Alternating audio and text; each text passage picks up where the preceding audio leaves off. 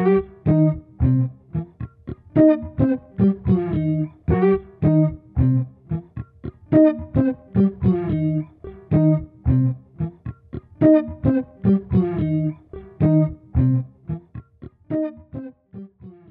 semua, ini Hestu. Selamat datang di Perantau Bercerita yang kembali lagi di bulan Februari. Di episode kali ini ada Vita yang bercerita tentang pentingnya support system saat belajar di Swedia. Apa sih support system itu? Bagaimana nih membangun support system khususnya saat belajar di Swedia? Penasaran? Mari kita dengar ceritanya.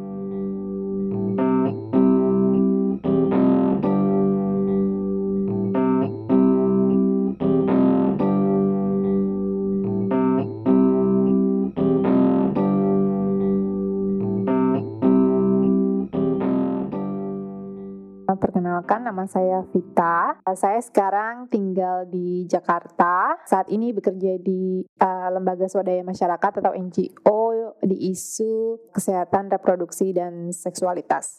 Jadi di 2014 itu saya mendapatkan beasiswa dan juga diterima di Lund University di Swedia. Saya pergi ke Swedia, tepatnya di kota kecil, sebenarnya nggak kecil sih ya, tapi kalau dibandingin Indonesia atau Jakarta itu kota kecil gitu. Di uh, Malmo yaitu kota terbesar ketiga kalau nggak salah di Swedia. Uh, pada saat itu saya dapat kesempatan untuk belajar di Lund University dari beasiswa Swedish Institute. Waktu itu saya kuliah jurusan Public Health. Kebetulan kampusnya meskipun namanya Lund University, saya kampus yang di Malmo. Jadi ibarat UI itu kan misalnya kalau ibaratin UI, UI itu kan ada UI Depok, ada UI Salemba. Nah saya yang di Salembanya, jadi yang di kotanya. Di Swedia waktu itu kuliah 2 tahun, jadi selesai di 2016. Kenapa pilih Swedia atau Lund? Sebetulnya itu kayak kayak apa ya? Kayak jodoh aja kali ya. Waktu itu memang udah pengen banget uh, sekolah dan Uh, pokoknya waktu itu mikirnya uh, kampus mana pun atau negara mana pun yang ngasih beasiswa itu ya saya ikut aja gitu. Karena memang niatnya itu udah kayak ah yaudah cobain aja dulu gitu ya. Uh, untungnya diterima di sana dengan beasiswa dari Swedish Institute atau dari pemerintah Swedia saya kuliahnya sendiri sebetulnya di Malmo. Jadi Lund University tapi kampus Malmo di daerah uh, apa namanya rumah sakit di Malmo di Swedia saya sampai cuma 2016 jadi setelah uh, kuliah selesai uh, saya langsung balik ke Indonesia. Kesan pertama ini masih saya ingat banget. Jadi pertama kali saya datang uh, di Swedia itu dingin karena itu bulan Agustus. Agustus saja waktu itu buat, buat saya itu udah dingin gitu ya. Pas keluar itu saya kaget ini kota apa ya? Maksudnya sepi banget gitu uh, meskipun Malmo itu padahal kota ketiga terbesar ya di Swedia, tapi itu tuh Sabtu tuh kayak hening, nggak ada orang sama sekali gitu. Jadi saya bingung ini orang pada ke mana gitu kan. Padahal hari Sabtu biasanya di Jakarta tuh Sabtu tuh orang pada pasti keluar rumah gitu. Ini cuma beberapa orang aja yang saya lihat. Ekspektasi saya sih saya tahu itu tempatnya dingin gitu, tapi saya nggak expect itu tuh bakal gelap sih kalau soal cuaca agak-agak bikin uh, gimana gitu itu gelap jadi uh, terutama di winter ya kita kan berangkat kuliah tuh jam 8 gitu atau karena aku jalan kaki ke kampus. Itu tuh matahari kira-kira baru muncul jam 10 itu juga kalau ada matahari gitu. Kalau enggak ya abu-abu aja gitu langit. Matahari tenggelam itu sekitar jam-jam 3 sedangkan kita masih di kelas gitu. Jadi boleh dibilang tuh sering banget seharian tuh emang nggak ngeliat matahari. Uh, dan kalau pas lagi matahari bagus kita juga lagi ada kelas gitu. Kalau misal lagi hari bagus kita bakal keluar ke taman gitu ya makan bareng teman-teman karena kita semua bawa bekal. Itu udah sesuatu yang we are very grateful gitu. Beda banget sama di Jakarta yang kita malah menghindari matahari uh, kalau bisa. Kalau menurut orang Swedia kan tidak ada cuaca yang salah, cuma cara pakaian kita aja yang salah. Tapi yang namanya langit gelap itu yang nggak bisa diapain sebetulnya sesuatu yang bikin saya agak bisa handle situasi kegelapan itu di bulan uh, bulan-bulan musim dingin itu adalah punya teman dekat gitu. Jadi kebetulan teman saya sekelas itu uh, kamarnya di depan kamar saya di apartemen.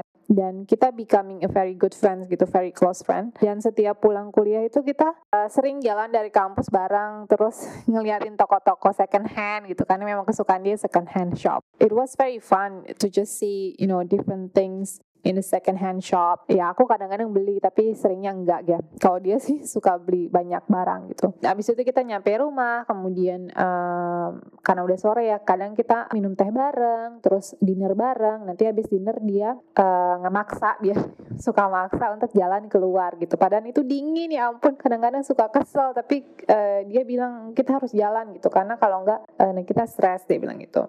Jalan malam di Malmo itu sepi banget jam 8 tuh udah sepi karena biasanya ramai rame justru kalau malam itu weekend weekend ya. Jadi sering banget kita jalan berdua malam-malam gitu ya. Keliling kota aja kadang 3 kilo 5 kilo. Jadi pulang-pulang udah capek terus tidur. Nah kalau misalnya kita lagi malas jalan kalau aku lagi malas jalan aku uh, minta kita nonton uh, film aja bareng gitu. Kalau nggak uh, series gitu. Ya itu sih sebetulnya yang sangat amat menolong punya kawan dekat untuk uh, menghabiskan uh, waktu bersama. Selain sama temanku ini juga kita punya geng Asia gitu ya. Dari aku aku, satu lagi orang Indonesia, temanku namanya Rima, terus ada satu terapi dari Burma, satu dari Thailand namanya Mimsi. Nah itu kita sering banget masak bareng, masaknya gantian, jadi masakan Thailand, masakan Burma, masakan Indonesia gitu. Jadi kita introduce each other to uh, our traditional food. Dan emang beda ya, maksudnya rasanya bareng teman-teman Asia itu kayaknya they just know us very well gitu. Yang kadang kita kan suka ketawa nggak jelas lagi ngomong ketawa terus mereka juga bisa langsung ketawa gitu.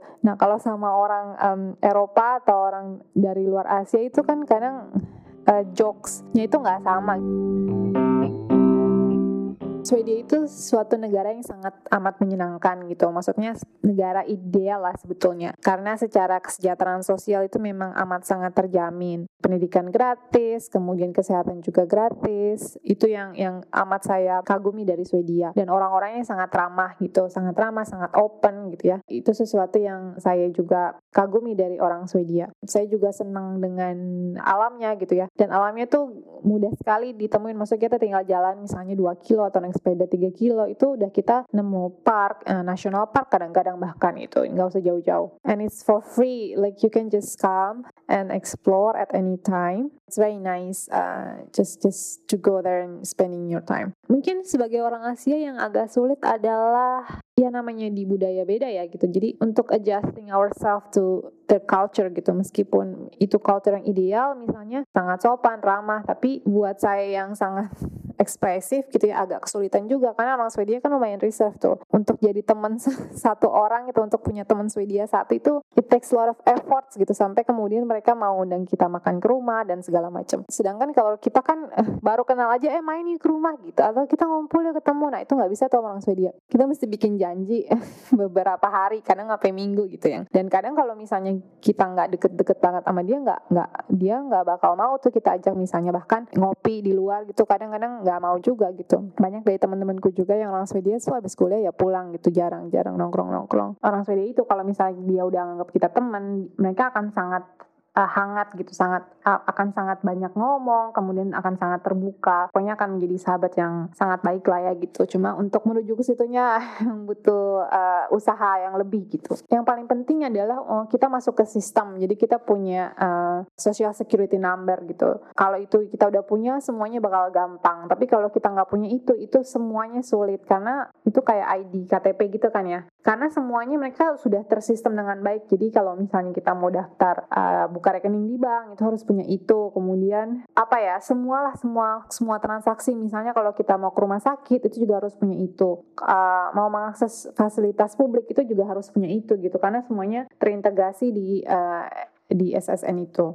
Awal dulu pertama datang itu aku nggak punya karena aku cuma dapat dapat visa awal itu cuma 10 bulan. Nah, untuk dapat si residential permit itu butuh oh, visa 12 bulan. Jadi emang sulit banget karena aku nggak bisa bayar tagihan dan segala macam gitu ya. Akhirnya aku appeal kan ke pengadilan gitu dan untungnya dapat uh, perpanjangan visa jadi 12 bulan sehingga aku bisa dapat si resident permit itu. Jadi setelah itu hidupku sangat amat mudah. Untungnya aku punya banyak kawan gitu. Mungkin karena akunya juga um, cukup uh, approachable dan aku suka approach orang gitu. Jadi um, walaupun sendiri maksud di kamar gitu walaupun sepi ya uh, terutama kalau misalnya lagi bulan-bulan misalnya winter yang gelap kayak gitu ya itu tuh masih ada teman yang bisa diajak ngobrol gitu uh, entah akunya datang ke dia atau dia datang ke tempatku atau kita ketemu di mana gitu having a good friend so some good friends are actually the best if you are in Sweden. Support system itu memang kalau di negara orang itu ya pasti memang sahabat gitu. Dan menurutku sih penting banget kalau untuk punya support system. Kalau enggak kita bisa collapse kali ya. Maksudnya kita bisa depres karena cuacanya kayak gitu. Apalagi kita dari negara tropis yang biasanya ada cahaya matahari ini tiba-tiba half a year itu ya begitulah gloomy-gloomy gitu kan kalau di Malmo. Aku nggak kebayang sih.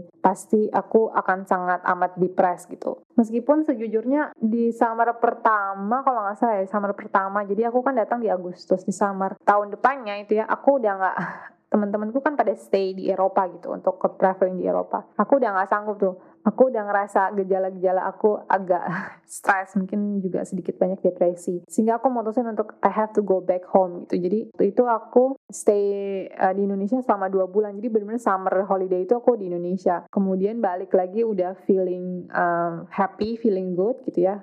Uh, jadi aku bisa ngejalanin hidup lagi di Swedia gitu. Kayaknya kalau waktu itu aku nggak pulang, aku akan sangat depresi. Meskipun orang bilang justru tuh kalau di Eropa bagusnya summer gitu. No, I don't think I can make it gitu. Jadi I have to go back and it was a good decision. Just just being with friends already make you happy, I guess. Uh, talking about your concern um, tentang perasaan, tentang kegelisahan, tentang tentang apa namanya hal yang sedang lagi kamu hadapin gitu entah kemudian uh, kuliah atau mungkin percintaan gitu ya atau apa pun lah kalau kamu sakit terutama itu penting banget sih punya temen. Kayak kalau menurutku ya sebetulnya kalau namanya juga di negara orang kita jauh harus lebih approachable dibanding kalau untuk kasus Swedia ya. Karena mereka kan reserve orangnya jadi memang kita harus yang uh, approaching them gitu. Uh, terutama mungkin gak mesti orang Swedia tapi kalau konteksnya aku kan di kelasku banyak siswa internasional. Jadi emang kita harus lebih open untuk untuk making friends gitu. Ya ngajaklah ngopi ngajaklah barbecue ngajaklah nonton makan kayak gitu-gitu ya. Harus inisiatif sih sebetulnya. Persahabatan itu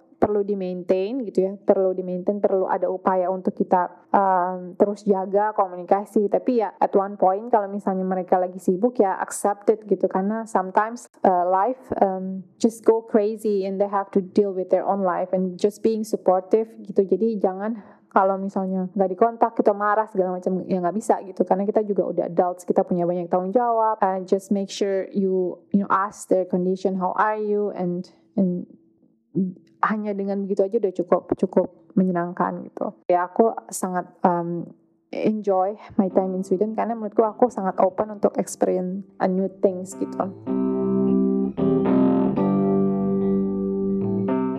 Bagaimana nih cerita dari Vita saat dia merantau di Swedia?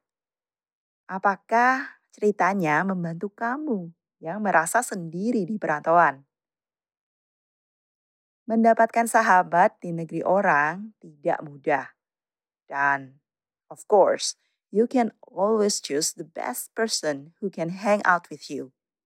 And there are not many, but worth keeping. The best support system is having few close friends for a better quality of friendship. Intinya adalah berani untuk keluar dari zona nyaman dan mengenal keadaan sekitar dengan baik. Tidak hanya di Swedia saja, tapi di mana pun kamu berada. Sampai ketemu lagi di episode selanjutnya. Stay safe and be healthy wherever you are. Hey do!